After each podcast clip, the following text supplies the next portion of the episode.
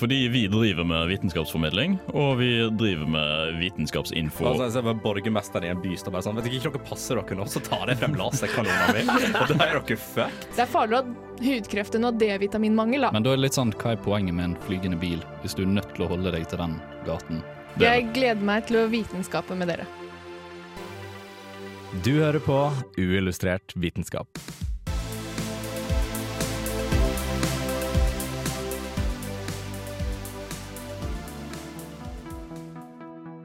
År har bioteknologiloven fått en stor forandring. Men hva er det egentlig loven forteller om? Hva er det som har endret seg? Og kan jeg klone meg selv nå? Velkommen til denne ukas sending av Uillustrert vitenskap, hvor vi eh, lærer Katrine hvordan hun skal klone seg. Nei, det var ikke det vi skulle snakke om. Men altså, vi må bare Jeg må bare si Det har skjedd ting i verden. Eh, som vi, siden vi tok semesterferie. Så derfor, og det måtte vi bare Det måtte vi bare ta opp, og det skal vi snakke om i dag. Og det er at bioteknologiloven har endret seg, og det er helt radikalt. Men før vi begynner på det, så vil jeg gjerne presentere eh, hvem jeg har med meg i dag. Jeg heter Kristine, og jeg har med meg eh, Martine. og jeg har Katrine. Hei, hei, hei. Og vi har et nytt medlem i studio som skal være med oss i Uillustrert framover, og det er Arian. Kan ikke du si litt om deg selv? Jo, eh, jeg er ny uillustrert. Jeg går på medisin, og jeg er eh, nå den eneste gutten på uillustrert. Etter Ja. Drømmejobben. Etter vi kasta ut alle de andre gutta. Ja, alle de andre ble ut ut, Det var på tide med noe nye. ja, Ja. trengte noen nye. Ja. Og vi kan ikke ha for mange gutter, da. Sånn, det fant vi ut av forrige uke. Så eh, nei, men eh, Hvor var vi? Bioteknologiloven. Bioteknologiloven. Den, og det er eh, Vi endra på den. Eller Norge endra på den. Det kom fram en melding. Men det er ganske sjukt. Det er sjukt at den har endra seg i det hele tatt. Fordi det er et godt kjent faktum at den er skikkelig konservativ. Norge har vært den strengeste i hele Norden når det kommer til bioteknologilov. Og vi har jo ikke endra på noen ting siden 2003, før vi fikk det nå i vår. Og mye har skjedd- siden 2003 i teknologiutviklingen og alt mulig. Det Og likestilling. og likestilling og eh, hva man gjør i andre land, hva man har fått til i andre land. Så, eh, så kanskje det var på tide. Kanskje det bare var rett og slett at eh, eh, det, nå, kan man ha, nå har man den teknologien og de evidensene til å si at dette her er noe vi kan gjøre. Men før vi går over til å snakke mer konkret over det, så er det jo sånn at uh, alle som er nye i dette studio, skal uh, fortelle en fun fact. Så Arian, du må presentere en fun fact for oss. En fun fact om meg selv. Nei, ikke om deg selv, om, om verden. Om verden. Om hva Ja. som helst. Ja, um, nei, jeg syns det er ganske fun at bioteknologiloven i Norge gikk fra å være en av de mest konservative til å være Det en er av de ingen fun fact. Det bedre. telles ikke i dag. Martine sa det i stad, faktisk. Ja. Faen. Har du en annen? Fun fact om verden? Ja. Du kan få servere den etter låta òg. Ja, det Da gjør vi det. ok? Men da gleder vi oss veldig Vi venter til spenning. at uh, Arjan skal fortelle om bioteknologiloven, og at vi skal eh, fortelle om endringene. Er de trouble, eller er de ikke det? Vi skal i hvert fall høre 'Trouble' av Death by Unga Bunga her på Ullustrert vitenskap på Radio Revolt. Det var en gang tre bukker som skulle til seters og gjøre seg fete, og alle tre hete Bukkene Bruse. På veien var det en bro over en foss som de skulle over, og under broen bodde en stor, fæl bioteknologilov med øyne som tinntallerkener og nese så lang som riveskaft. Først så kom den mannlige Bukkene Bruse og skulle over broen. Tripp trapp, tripp trapp, sa det i broen. Hvem er det som tramper på min bru? skrek bioteknologiloven. Og det er bare en mann med dårlig selkvalitet. Jeg skal til seters og gjøre kona mi fet. sa mannebukken. Den var så fin i målet. Nå kommer jeg og tar deg, sa bioteknologiloven. Å nei, gi meg lov til å bruke donor, for jeg er så liten, jeg. Bare vent litt, så kommer den mellomste Bukkene Bruse. Hun er mye eldre. Ja nok, sa bioteknologiloven. Om en liten stund så kom den eldste bukkene Bruse og skulle over broen. Tripp trapp, tripp trapp, sa de i broen. Hvem er det som tramper på min bru? skrek bioteknologiloven. Å, det er snart den 50 år gamle gamle damen som skal til seters og gjøre seg fet. Sa damebukken. Den var ikke fin i målet, den. Nå kommer jeg og tar deg, sa bioteknologiloven. Å nei, ikke ta meg. Jeg vil bare få frosset mine egg. Vent litt, så kommer den single bukkende Bruse. Hun er mye, mye yngre. Ja nok, sa bioteknologiloven. Rett som det var, så kom den single bukkende Bruse. Tripp trapp, tripp trapp, sa det i broen. Den var så tung at den både knaket og braket under den. Hvem er det som tramper på min bru? skrek bioteknologiloven. Det er den single bukkende Bruse. Sa bukken. Den var så grov i målet. Nå kommer jeg og tar deg, skrek bioteknologiloven. Men jeg vil bare få assistert befruktning, så jeg slipper å finne meg en kær. sa bukken, og så røk den på trollet og stakk ut øynene, slo sund både marg og ben, stanget ham utfor fossen, og så gikk den til seters. Der ble bukkene så fete, så fete at de nesten ikke orket å føde. Og snipp, snapp, snute, her var eventyret ute. Jeg er Erna Solberg, og du hører på Radio Revolt. Og der hørte vi historien eh, om de tre bukkene Bruse som skulle til seters. Og jeg håper at det du mener med fete, var å bli gravid, da. Absolutt, absolutt. Absolutt. Men det er ja. så fett å være gravid, det må vi si. Ja, det er Ja, akkurat det er derfor. derfor. Det er et mirakel. ja. Um, men det vi da skal uh, touche litt innpå, er jo dette med assistert befruktning. Fordi det er jo uh, et stort steg at de har uh, tillatt dette for flere, bl.a. for enslige, som mange tidligere f.eks. dro til Danmark for å eh, skaffe seg barn. Ja. Eh, og definisjonen på assistert befruktning er jo enten inseminasjon, inseminasjon, at man på en måte får tilført eh, sæd eh, uten samleie, eller befruktning utenfor kroppen. Altså at man smelter det i en skål, eh, en eggcelle og en sædcelle. Og jeg trodde alt faktisk var um Inseminasjon? eh, Nei, at det var sånn prøverør at du blanda i en skål. Ja, nei, det er bare én form for det. Ehm, og nå har man også i tillegg eh, eh, endret annet eh, det med nedfrysning av egg, hvor lenge de kan bevares, eh, hvem det er som kan fryse ned egg, annet som kan sunne, eller på en måte eh, man kan gjøre det av ikke-medisinske årsaker. Så jeg kan gå og fryse ned egg hvis jeg vil det. Du kan det, men du må betale det selv hvis det ikke er noe spesielt eh, ved deg, holdt jeg på å si. Ja. Ehm, men det på en måte som er med um, ulike måter for assistert befruktning, er jo at man først har denne inseminasjonen, da, som er at man får eh, sæd fra enten en partner som på en måte ja, ehm, donerer, eller at det er en donor som da føres inn i livmoren.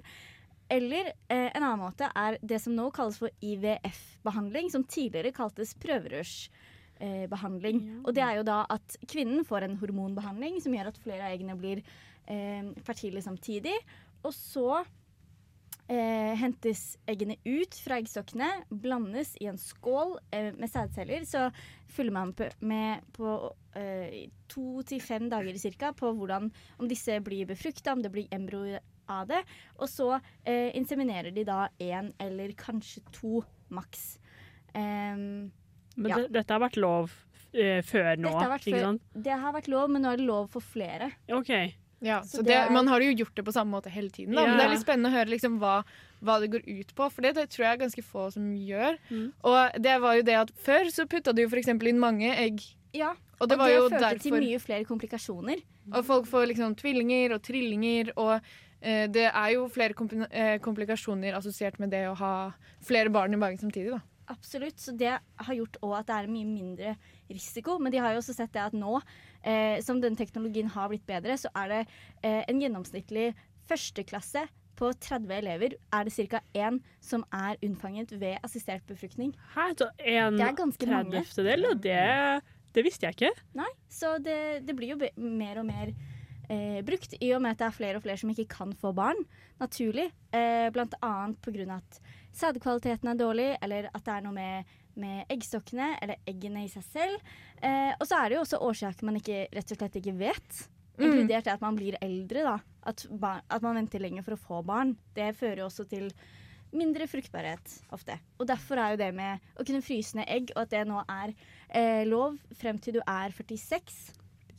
Man kan kun eh, Ja, så etter det kan man ikke eh, Bruke de, da. bruke eggene. Men nå kan man også bevare eggene mye lenger på ubestemt tid, frem til dama er 20, eh, 46. Mm. Så kom, det er sånn uh, Når det kommer til assistert befruktning, så er det på en måte Det er mye greier som har blitt endra. Alt til på en måte um, Ja, at det har blitt utvida, men det er ikke så mye var der fra før, men det er på en måte Det er bedre, det som fins. Og så har man jo også, hvis det er sædcellene som det er noe problem med, så kan man bruke en sånn bitte liten glassnål og ta ut én sædcelle, og så putte den inn i livmoren. i egget.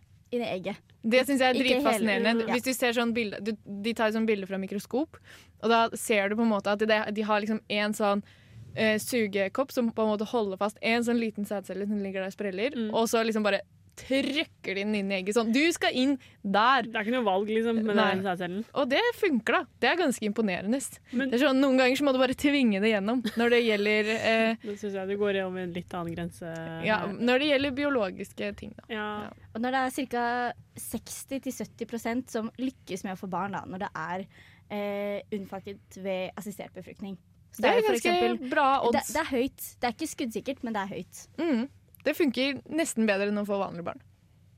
Det er dine ord, ikke mine. Nei, jeg vet ikke. Vi snakka jo litt i våres om hvor vanskelig det egentlig er for mennesker å få barn. Mm. Det er et godt poeng. Ja. Hør på episoden om reproduksjon. Absolutt. Men eh, så er jo det med assistert befruktning veldig spennende. Så er de fordi det har jo vært en hypotese veldig lenge om at eh, disse barna kan være utsatt for noe mer risiko. da.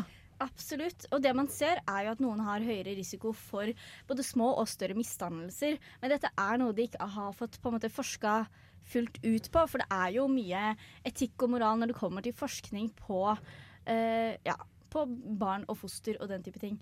Um, Hva med barn som eh, eh, blir mobba fordi de er det? Er, de Er det en ting? Nei, jeg bare, det kan være en ting. Ja. ikke at jeg gjør det, nei da. Nei. Nei, men det må jo tas i betraktning som noe som kan være negativt for barnet. Men det man har sett, da, er at uh, siden det første um, prøverørsbarnet som ble født i Norge, var i 1984. Og de første av disse barna har jo nå begynt å få barn selv. Og det man ser, er at eh, de da som hvor foreldrene har måttet brukt prøverør fordi at de var eh, infertile, så har ikke avkommene blitt infertile. Så det virker som at det ikke er noe genetisk. Det er jo en bra ting, da. Fordi Det er det, er ikke sånn, det har jo vært mange som er sånn OK, men uh, hvis du gjør det her, så risikerer du på en måte at flere og flere får At du uh, viderefører denne eh, Hva heter det? Dette genet. Ja. Dette genet for å ikke være fruktbar, og så, og så vil det til slutt være Alle måtte ha kunstig befruktning i fremtiden. Men uh, så er det litt betryggende å tenke sånn Nei, det er faktisk ikke sånn, og vi klarer Det går fint for det meste. Mennesker klarer seg ganske fint likevel. Ja, Det er noe med det. Trenger bare hjelp. Litt hjelp iblant. Og nå får vi det. Med Flere og kunstig flere av oss. Med kunstig befruktning. Ja. Yes, men eh, når du har kunstig befruktet et egg, så er det jo noen som kan eh, gjøre ulike Så kan du gjøre ulike eh, former for fosterdiagnostikk. Det skal vi snakke litt mer om hvordan fungerer etter vi har hørt Magnus Beckmann med 'Hours' her på Uillustrert vitenskap på Radio Revolt. Aiming for Henrike. Radio Revolt. Vel. Velkommen tilbake igjen til eh, Uillustrert vitenskap her på Radio Revolt. Og vi snakker om endringene som er gjort i bioteknologiloven i år.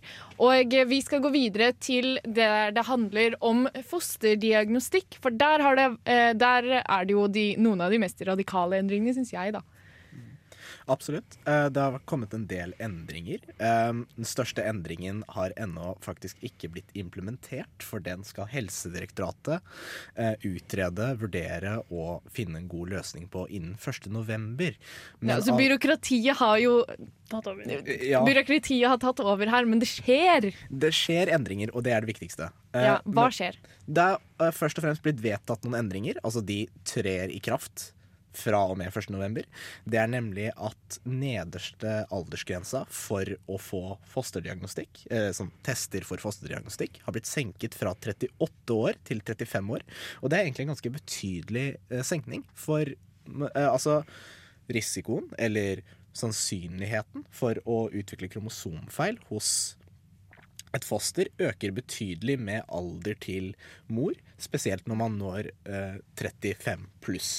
Eh, så de tre årene kan det fakt kan faktisk virkelig betydelig, altså betydelig senke sannsynligheten for eh, at man får positive tester på eh, kromosomavvik. Ja, for det er sånn eh, det er, det, er en, det er ikke sånn jo for hvert år så blir det mer. Det er sånn det blir mye, mye mer. Det er eksponentielt. Ja, Tre år høres ikke så mye ut, men eh, Det er, det er ganske det, mye. er- det er ganske mye når du, når du snakker om den risikoen, da. Men så er det jo også det at det er færre som får barn da etter de har fylt 38.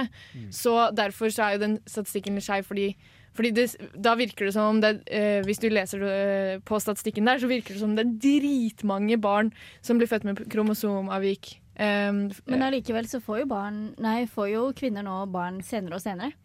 ja, Det er jo en utvikling der òg, så det Ja. er jo Det Så, er bra det at det blir tatt tak i. så da blir det jo tross alt da flere barn som kunne blitt født med kromosomavvik, da, som man da kan finne ut av på et tidligere tidspunkt.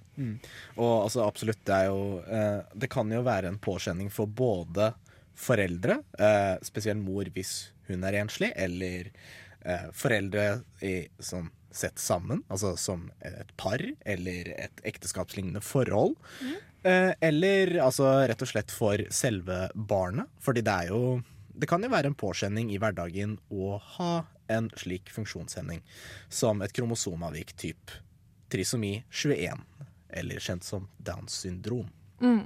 Så det har jo vært en av de mest debatterte tingene, da. Og det, var jo, det har jo vært en debatt nå etter disse endringene kom også, men det har jo vært en debatt som har vært framme så mange ganger, og så har man på en måte funnet ut at OK, vi har hørt alle sider av den saken, nå velger vi å gjøre det sånn. Mm. Um, og liksom blant disse uh, nye endringene som har blitt implementert, så er det slik at man har valgt å vektlegge flere screeningtester. Eh, for man har ulike tester for fosterdiagnostikk. Eh, jeg liker å tenke på at det er fire tester. Man har noe som heter kombinert ultralyd og blodprøve. KUB. Eh, ikke treklossspillet, men KUB. Ja. Er der er det en kombinasjon av en blodprøve og en ultralyd. Altså ikke i én sprøyte, men gjerne liksom ultralyd av fosteret i Ja. magen eller i livmoren. Og en blodprøve som tester etter diverse hormon, blant annet PAP-A. At, det, at det barnet har en pappa, eller Nei, man tester, Hormonet pappa. Okay, man det tester var for hormonet pappa i mor, faktisk. Ja, og Eh, det hørtes jo ut som noe man gjør. Det høres ganske chill test ut. Ja. Så lenge det ikke velter kongen. Ja. Men i Norge så er jo dette den fremste screeningtesten. Altså det er den som tilbys til de fleste fra uke 8 til uke 14. Men nå, fra og med 1. juli, så er det slik at NIPT, Non-Invasive Prenatal Test, eller ikke-invasiv prenatal, altså før fødsel, test, eh, nå er lovlig i Norge. Det var det tidligere òg, men nå tilbys det i mye større grad. ja, det skal bli tilbudt da etter Helsedirektoratet har utredet ja. hvordan de skal gjøre det. Selvfølgelig. Men det kommer, da. Altså, så det betyr jo det at eh, det, den dagen eh, Altså den dagen vi skal få barn, folkens, så kan vi ta den testen. Nå er det lov, på en måte. Det er ingen som kommer til å tilby oss å si sånn det er lurt. Men det kommer til å Hvis du virkelig ønsker det, så kan du gå og betale for å ta en sånn test. Og det syns jeg er helt sjukt, for det betyr jo det at eh, Ja. Helt vanlige folk som ikke har noe økt risiko, da, kan sjekke, seg for, sjekke babyene sine for eh, sykdommer. Som kan eh, avdekkes på sånne tester. da. Og det er så enkelt som å gå og ta en blodprøve. For noe av fosterets DNA vil faktisk finnes i mors DNA. Så det er egentlig det man tester for. Um, men samtidig så vil jo verken en, altså K, KUB og NIPT brukes gjerne med hverandre, fordi NIPT er en god, supplem, er en god supplementtest til KUB. Så de man- tester forskjellige ting. Er det det? Uh, ja, altså man kan jo teste for trisomi 21, som er veldig eh, aktuelt. Man kan også teste for trisomi 18, Edwards sykdom, og trisomi 13, som er Pataus. Ja, det er, eh, altså det er jo sykdommer som er mye mindre kjent, for de har høyere dødelighet. Da. Så det er færre som vokser Ja. opp når de først får disse sykdommene. Mm. Men det er jo ganske deilig at Eller deilig. Det er jo ganske praktisk at det bare er en blodprøve. Jeg trodde det skulle være noe mer liksom, avansert enn det. Men man må betale for det selv. Eller kommer til å måtte betale for det selv. Ja, og så må du jo da eh, Det vanskelige med det er jo da å måtte deale med svaret. Ja, men Ja. Og om du faktisk vil vite det. Og om du vil vite det. Så det er på en måte en vanskelig delen av den testen. Det å bare gå og ta en blodprøve er jo chill. på en måte. Men det eneste KUB og NIPT egentlig sier noe om, det er sannsynligheten for at fosteret kommer til å utvikle en av disse kromosomavvikene. Ja, Så de kan ikke avdekke Det Det er ikke noe fasitsvar. Oh, ja. Nei, da må man ty til noe som heter fostervannsprøve. Ja, det har jeg hørt om. Og jeg liker å sammenligne det egentlig med å teste pastavann. Ja. Eh, For hvis dere ikke tenker så veldig eh, hardt gjennom det, så er mennesker og pasta likt på et veldig grunnleggende plan. Vi består alle av proteiner, karbohydrater og fett. Eh, og det tar sånn ikke jeg cirka skulle høre i dag, men kjør på. Nei, men det tar også sånn cirka ni tidsenheter før eh, det er modent eller klart. Den, eh, den var bra. Ja. Fortsett, vær så snill. Tommelfingerregel for alle som koker pasta der ute. ja. Ni minutter. Men eh, uansett så er det jo også slik at når fosteret modnes i livmoren, så vil det være en fostervann rundt fosteret. Og dette vil jo inneholde noe av arvestoffet til fosteret. På samme måte som når du koker opp pasta, så vil noe av stoffene i pastaen, deriblant stivelse og noe av proteinet, lekke ut i væsken rundt. Så ved å smake på pastavannet, så kan man egentlig få en viss anelse av hva som er inni pastaen. Og Nå, nå så jeg for meg noe Ja, og- helt ja, og den pastaen egentlig- gang, ja. ved å ta en fostervannsprøve så kan man få en viss anelse om hvordan det står til med fosteret. Er det noe avvik her fra det som er normalt, eller det som skjer oftest? Og da vil man få en konklusiv diagnose, altså en diagnostisk eh, test som gir et konklusivt svar på om dette er tilfellet eller ikke. Men er Spennende. fostervannsprøvene mer tilgjengelige nå òg, etter den nye loven? Eh, Det var det ikke noen endringer om, men det er eh, egentlig slik at siden NIPT og KUB tilbys mer ofte, altså oftere, så er det slik at den som tar testen, får muligheten til å velge om de vil ha et konklusivt svar eller ei. Ah. Og da kan man jo selvfølgelig velge om man vil ta abort eh, inntil uke 12, eventuelt søke til abortnemnda inntil uke 18. Ja, så det er jo det at eh, det blir på en måte Eller ja, for de har jo ikke bestemt seg for hvor, hvordan de skal gjøre det i praksis ennå. Så vi vet ikke hvor tilgjengelig det blir. Men du kan. Mm. Det er ting du kan. Absolutt. Så Vi det kan ta en oppdatering på det senere. Vi får ta en oppdatering på det etter 1. november, når det kommer det svar på det. Det er veldig spennende å følge med på, for det her um, Det her er eh, fremtiden. Det er store greier. Det er store greier. Og en uh, annen ting som har med fremtiden å gjøre, er uh, genmodifisering. Og denne låta som vi skal høre på før vi snakker om genmodifisering, som er Musti med Fremtiden. Du får det på Radio Revolt. Sykt irriterende at babyen min griner. Skulle ønske jeg bare kunne endret genene når den var et embryo.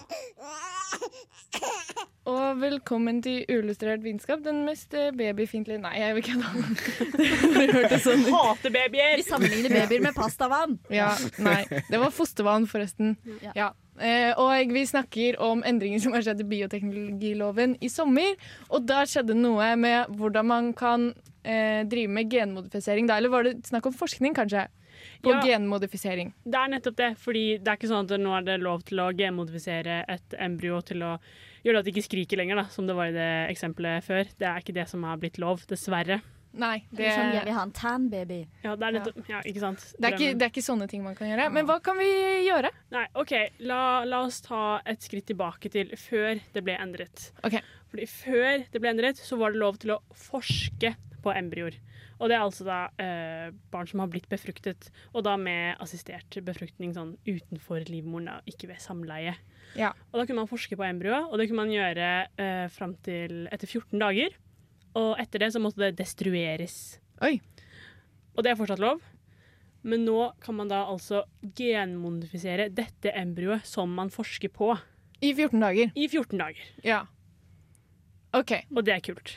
Ja, det hørtes, nå hørtes det ut som det ikke var så stor endring i det hele Ja, tatt. Så jeg var sånn, hva skjer nå? Okay, Det er liksom Det er, det er liksom Ja, det er liksom applaus. Det er liksom det krever Det er liksom Det er stort at dette har blitt endret. In the scientist world. Jo, men ok, ja, så Det er jo snakk om genmodifisering, og, eh, og da blir vi jo, hvis vi forsker på genmodifisering i 14 dager Ja, Ja, det er veldig mye positivt da som Så- man kan få ut av det. så får du mye informasjon. Da blir man god på genmodifisering etter hvert, for da lærer man seg hva som funker, hva som ikke funker, Det er det, det er det. hvordan man gjør det. Ja. Så for eksempel eh, så kan man lære veldig mye om kreft, fordi kreftceller er egentlig veldig like embryoceller med måten de måte utvikler seg de første dagene. Så man kan få mye om kreft, og man kan lære mye om evolusjonsbiologien. Hva er det som egentlig skiller oss fra andre arter? Når er det den eh, starter å forandre oss fra de andre artene rundt oss? Og eh, ja, sånn sykdomsutvikling selvfølgelig, da, som er veldig viktig. Mm. Og, men hvorfor har det ikke vært Hvorfor ble det endra nå? Hvorfor kunne vi ikke bare endre det med en gang? Fordi vi har hatt denne teknologien her i noen år nå. Men det har jo vært veldig sketchy teknologi, Mm. og teknologi som man har vært veldig redd for, sånn spesielt når det har vært snakk om sykdommer og Ja, og eh, sånn som han karen i Kina som mente han hadde genmodifisert to barn, og at de hadde blitt til mennesker og sånn. Det, var, altså, det er jo mye kontroverser rundt det, og man er veldig eller jeg har inntrykk av at samfunnet er veldig redd for det der eh, sorteringssamfunnet. og Nå skal Ja. vi liksom designerbabyer, og det er liksom store det som skjer. moralske dilemmaer. Det er jo det, og det er jo men, Så det at det skjer en endring der i det hele tatt, det er helt sjukt. Men, Det er det. Men eh, nå er det jo eh, blitt sånn De er jo fortsatt veldig strenge. Ja, fordi nettopp det er jo dette genforskning er lov i Eller eh, modifisering i 14 dager. Folk er redde for det fordi de er redde for hva er skrittet etter det. Kan det gjøre at vi nå får designerbabyer, og vi får ja, babyer som har eh, riktig høyde som jeg vil ha, og ja, selvfølgelig, man kan bare dra det lenger og lenger, da, og det er derfor det er litt skummelt. Og en annen utfordring er jo at hvis man først tar det steget fram, så er det mye vanskeligere å gå tilbake. Ja, folk er så redd for den slippery slope. Yep. Ikke Ja. Ikke glemme det, nei. Nei. Men det er jo dette som gjør at vi har en bioteknologilov i utgangspunktet. Også, ja.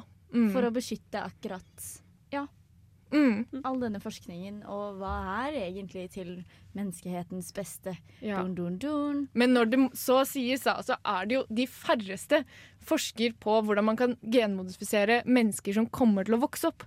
Det er nettopp det. Det er jo det at vi heller vil ha sånn reservedeler og sånne ting. Mm. Det er jo det. Vi vil jo ha bare informasjon og kunnskap til å ta og bruke med barn som blir født og ja, vi skal ikke drive og lage designbabyer, eller det er i hvert fall det vi tenker, da. Mm. Men det er derfor det er litt sånn Det er derfor det har vært veldig heavy diskutert. Men den teknologien som faktisk blir brukt for å gjøre det her, den kalles for eh, CRISPR, eller Ja. CRISPR. Mm. Eh, dere kan google det, hva det står for, fordi det er et veldig langt ord. Men, men det er jo også en av de metodene som man har liksom tenkt sånn Vet du hva, det her løser problemet vårt. Men det gjør jo ikke det, da. Nei, eh, det gjør ikke det. Men det er veldig interessant måten de på en måte har funnet ut denne teknologien på. da. Jeg kan jo bare ta en litt sånn der eh, CRISPR 101, uh, for de som lurer på hvordan det fungerer. I dag. noen måtte bare påpeke akkurat det. ja, nei, uh, eller jeg kan jo prøve å forklare det, da. Men det er basically uh, bakterier. Hvis de blir angrepet av et virus, så vil de, når de blir angrepet, på en måte kopiere et type av det DNA-et til viruset. Så når viruset, etter et lignende virus da, angriper det bakteriet igjen, så kan det bakteriet være sånn Å, shit, det er det viruset som Litt som en meg. vaksine. Eh, ja, det må medisinstudentene kanskje confirme. Ja, det blir på en annen måte. Det, blir her, det her er på okay. pro- proteinnivå, på en måte. da. Ja, så da har den Så ikke noe løsning på korona der. Jeg bare Nei, det er, det var ikke, du har ikke løst verdensproblemene i dag, Martine. Beklager. trodde jeg Jeg prøvde i vi hvert fall. hadde løsningen på verdensproblemet.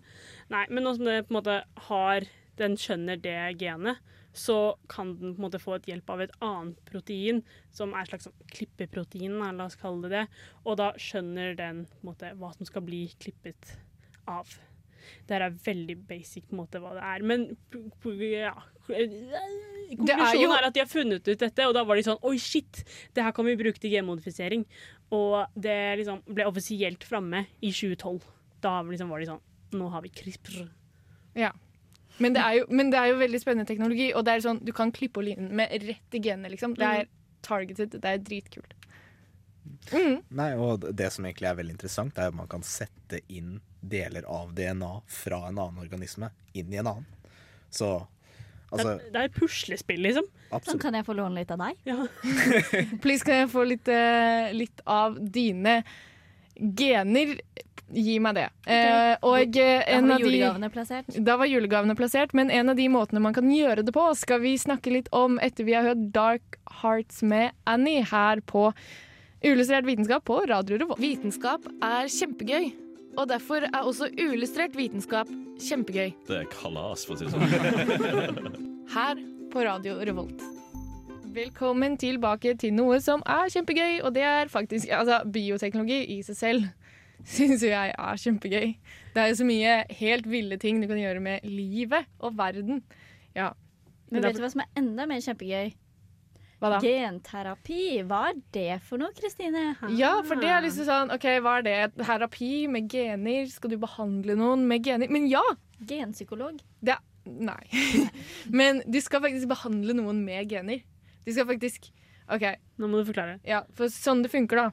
det, altså, det gjøres veldig sjeldent, og det er veldig liksom, tilpasset til enkeltpersoner fordi at det er veldig sjeldne sykdommer det skjer på. Så du må vite at dette her er ikke noe alle får, og det her er ikke liksom Det her er superspesialist-spesialist-ting. Du får ikke det på bunnpris, liksom? Nei. Nei. Du får ikke det hos fastlegen heller, på en måte. Ah, Nei. Så, eh, men det man gjør, da, er å putte gener inn i kroppen som behandling for en sykdom. Rett og slett. Du putter gener inn i kroppen din, tar det fra et eller annet sted, putter det et annet sted. Og eh, ja, du kan ta det fra et annet sted, altså fra en annen organisme, fra et annet menneske. Eh, og så Eller så kan du ta ut celler fra din egen kropp, altså, og så genmodifiserer du det litt, på en måte, og så setter du de inn igjen i kroppen din. Og eh, da skal man på en måte Og da har du fått endringer eh, i de cellene som disse genene havner inn i. da. Mm. Og så, er det sånn, tenker du, så, så tenker du sikkert Hvordan får jeg gener inn i cellene mine? Ja. Akkurat det jeg tenkte. Og hvis det finnes en organisme som er dritgod å putte DNA rundt omkring i kroppen din, så er det virus. Elsker dem. Ja. det er ikke mange som kan si. Ja, de har, har gjort det. Jeg, jeg mista litt sansen for dem etter mars. Jeg. Mista litt sansen for virus, men det, det er veldig interessant med eh, mange typer virus. Eller det som er veldig interessant med DNA-et vårt generelt, er at det er så mye sånn DNA som ligger inni eh, alle genene våre, som egentlig kommer fra virus. Viruset som bare sånn Vær så god, her skal du ha det DNA-et. Og så har kroppen bare sånn OK, vi bare pakker det bort inn i et hjørne. Og så har det liksom blitt inni det hjørnet. Og så- men du har, det går i arv og sånn, fordi at kroppen har ikke klart å kvitte seg med det DNA-et som er til overs. Men du har på en måte bare pakka det bort, og så går det i arv, og så pakker alle det bort. Så det er sånn eh, godt bevart hemmelighet er at vi har sjukt mye virus-DNA i kroppen vår. da. I, Måtte ikke bli tatt i bruk? De bare er der, eller? blir ikke tatt i bruk. Nei. Ok. Jeg tror nå, eller ja, Det er mye forskning på det. Det er ganske veldig interessant, faktisk. Mm. Men uh, det er ikke det vi skal snakke om nå. Men så det er veldig mange virus som er flinke på å putte DNA inn i vårt DNA. Og eh, Så derfor så putter du, tar du da det genet som du vil ha, uh, inn i pasienten din. Det tar du inn, putter inn i virus. Det fins mye sånne rare bioteknologimåter å gjøre det på. Deilig. Og så eh, tar du dette viruset og putter det inn i pasienten din. Og så vil viruset gå rundt i kroppen og liksom putte DNA inn sånn overalt. Og hvis du har, har spesifikke virus som bare infiserer én type celler, så kan du også være litt målrettet da, med hvor du får disse genene. Men eh, ja. Men kan liksom spørre eh, liksom, er sprøyte, på en måte, Sprøyter de inn disse virusene, eller liksom Ja, du, ja, rett og slett. Du blir infisert, så får du den inn i blodet. også. Mm. Eh, men et problem da med, med genterapi sånn sett, er jo at du har en tendens til å bli sjuk. Fordi at når Ja. kroppen møter på virus, så blir du sjuk. Det er jo en, en av kroppens mekanismer for å på en måte bli kvitt viruset. Så kroppen er jo veldig god på det å få viruset ut av kroppen igjen. Så noen ganger så blir det en litt sånn balanse der, at man kan bli litt sånn dårlig. Og det er en av ulempene med genterapi, da. Men derfor velger du også ofte virus som du ikke blir sånn veldig sjuk av. Bare litt. Mm. Jo, men sånn, du tar de mildeste bedre. virusene, da. Det er jo bedre å bli litt syk enn å bli kjempesyk. dø. Jeg vet ikke. Ja, ja, absolutt. Det er bedre å bli litt forkjøla enn å, bli, enn å, enn å dø av en, Enn å bli død. ja, av en arvelig sykdom. Ja. Så, eh, men det er jo også ganske mange utfordringer med dette. Og eh, det er jo For det første så hadde jo dette her vært ideelt å gjøre tidlig i livet, kanskje. Mhm. eh, sånn at eh, du gjør det med alle cellene i kroppen, sånn at hele kroppen blir kvitt fra dette, eller får inn dette genet som du mangler. Får fikse alt på en gang. Liksom. Ja, du gjør det bare tidlig. Femårskontroll. Ja. Ja. Men det, du kan ikke gjøre det med eh, altså Du kan ikke gjøre endringer da, i celler som kan gå i arv, fordi det er veldig sånne uforutsigbare effekter av det her. Så derfor så kan du på en måte ikke gjøre gi genterapi som endrer på kjønnscellene dine, da, sånn at eh, du får barn med de endringene som noen har påført deg Ja. via genterapi. Så der er det også ganske strengt regulert. Eh, men så har du også det risikoen om at genet ikke nødvendigvis kommer på rett plass. Men er det faktisk et reelt problem? Jo, det er et reelt problem. Eh, fordi, eh, fordi når viruset setter inn DNA, Mm. så gjør den det bare sånn pow, rett inn. Og det er ikke, den er ikke målrettet. Det er ikke noe sånn, Den bare smeller det inn et eller annet sted. Så hvis det eh, genet da havner midt oppi noe som var veldig viktig for reguleringen av et eller annet, så kan det f.eks. hende at man utvikler kreft da, fordi at man fucker opp noen av de beskyttende mekanismene mot kreft. Og så, fordi DNA er ikke noe du skal kødde med, liksom, fordi at det er så komplisert, og det er så mange ting som virker på en ting, som hemmer en ting, som aktiverer en ting. Og så, Risky business. ja, så det er kjemperisky business. Det er så komplisert. Og derfor så er det liksom vanskelig å, å kødde på det, da. Men hvordan er dette i Norge nå? Har man tilgang på det, eller er det Absolutt, det kan gis i Norge. Jeg vet ikke hvor ofte og sånn, men det er jo genuint noe man gjør i Norge mot Det finnes en del sykdommer som man velger å gjøre det mot, da. Som for eksempel eh, en sånn immunsvikt. Velger man, det er, hvis du blir født uten immunforsvar, og så er det et eller annet du mangler som er sånn helt sånn essensielt for å utvikle immunforsvaret, og så kan du få ordna det da med genterapi, og så får du et immunforsvar, og så kan du leve et normalt liv istedenfor å leve isolert hele livet ditt. Men er det noen utfordringer med genterapi sånn forut dette med at det kan være litt sånn uforutsigbart hvordan det virker? Kan det være dyrt? For det høres ikke sånn kjempebillig ut. Og utføre det sånn generelt. å shoppe gener? Nei, ja, men nei, det er, jo, det er jo laget for spesifikke gener som man mangler, da. Men eh, selvfølgelig, det er jo Det er jo så få som får det. det, er ikke, det er, du masseproduserer ikke det greiene her, da. Det er jo noe du må tilpasse til hver enkelt person, fordi det er liksom så Ja, det er eh, Det er ikke vanlig. Eh, jeg har hørt om barn eller, liksom, eller barn som, jeg har hørt om barn, eh, som får, har kreft, og så er foreldrene sånn Shit, barnet mitt har kreft. Vi får et barn til, sånn at de kan bruke eh, gener eller stoff fra det barnet. Er dette noe av det samme, eller er det noe helt annet? Nei, det her tror jeg handler om benmarg. Oh, ja. ja, det var det jeg tenkte på. Ja, for det at da tar du på en måte Da tar du bort benmarg fra det syke barnet. Ja. Og så tar du inn benmarg fra det friske barnet, og så satser du på at begge to ender opp med frisk benmarg. OK, så det er, liksom, det er, ikke, det, er det er ikke genterapi? Det er noe helt annet. Okay. Fordi genterapien får du da fra virus, så du trenger ikke å få den fra en annen person. Okay. ok. Og du kan også ta eh, Men man har også da eh, brukt tenker på, eller Man forsker på da, å bruke genterapi til andre ting, f.eks. Eh, som eh, kreft, eh, fordi, eh, kreftbehandling. For du kan jo også gjøre det sånn at kreftcellene får inn et gen som lager noe giftig. Sånn at alle kreftcellene dør. Så det er jo på en måte Det er veldig elegant, sånn sett, men du kan jo fucke opp ganske mye, da. En trojansk hest, altså. En, ja, altså, det her er liksom menneskets trojanske hest. Det er liksom menneskets datavirus. Dun, dun, dun. Ja, men ehm, Se for dere eh, pasta, og så kommer det en trojansk hest. Er det det dere får se for dere nå? Fordi jeg ser Dette er det meg jeg forbinder med bioteknologiloven fra og med i dag. Mm. Det og kongen. Er det ikke så? Og kongen! Ja, det er veldig spennende. Vi skal høre litt mer om det. Nå? Ja. Ja. Det er, vi, det, vi, vi venter på kongen, vi. Kommer han inn døra nå? Eller hva? kommer. Er det sånn Kristian Ronald Surprise, kongen er her, eller? Jeg hadde en liten lydsnutt jeg Ja, skulle spille av for okay, dere, men jeg klarte det ikke. Så vi, vi går bare rett og slett videre. Vær så god. Hva har du å si om kongen, egentlig? nei, eh, det, det som er litt interessant, er at kongen kan utsette visse endringer som ble vedtatt uh, i forbindelse med bioteknologiloven. Har han tenkt å gjøre det? Det vet jeg ikke. Jeg er ikke kongen. Jeg tviler sterkt på at han kommer til å gjøre Han gjør sjelden noe av den, den størrelse. Men uh, han, han har makta til det, i hvert fall. Ja.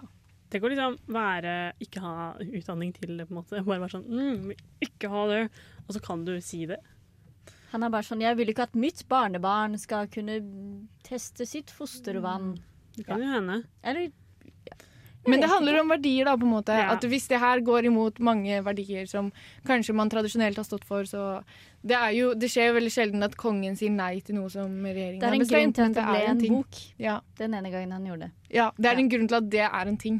Faktisk. Absolutt. Mm, Absolutt. Men hadde dere flere morsomme ting å si om uh, bioteknologiloven? Vel, de har faktisk prøvd å uh, lage nye uh, mus av hudceller istedenfor kjønnsceller. Og det er ganske spennende, fordi at de driver og forsker mye på liksom, hva kan man bytte ut, hva trenger man egentlig ikke. Blant annet kan vi da bruke eh, ja, hudceller istedenfor eggceller.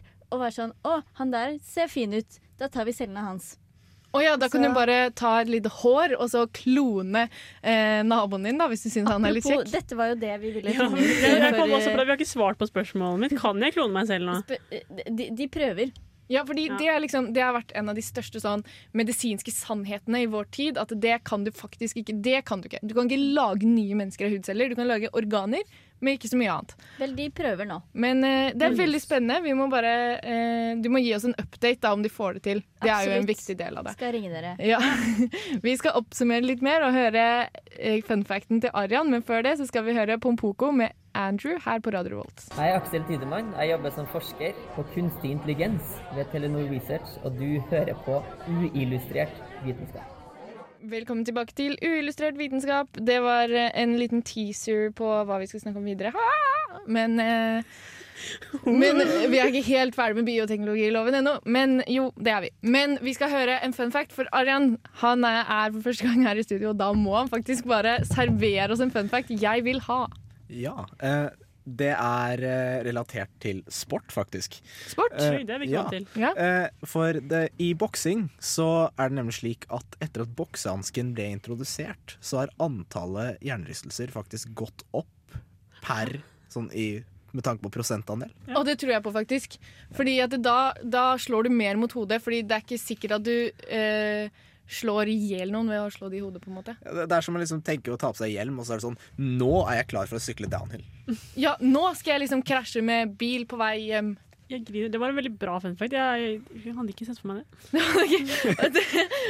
Un undervurder mye. Ja, nei, jeg beklager. Jeg beklager, jeg, men jeg var imponert. Ja, Du det ble satt ble faktisk helt ut. Mm. Det er tegn på en veldig god fun fact. En faktisk fun fact. Ja, men, og vi skal selvfølgelig komme tilbake med flere fun facts neste uke og uke etter der og uke etter der. Så dere må bare høre på alle episodene våre på radiovolt.no, på podkast. Hør det på DAB på onsdager fra fem til seks. Og eh, følg oss gjerne på Instagram eller på Facebook, Fordi der kan du sende oss eh, meldinger. Og så kan du sende inn et spørsmål om det du har lyst til at vi skal snakke om.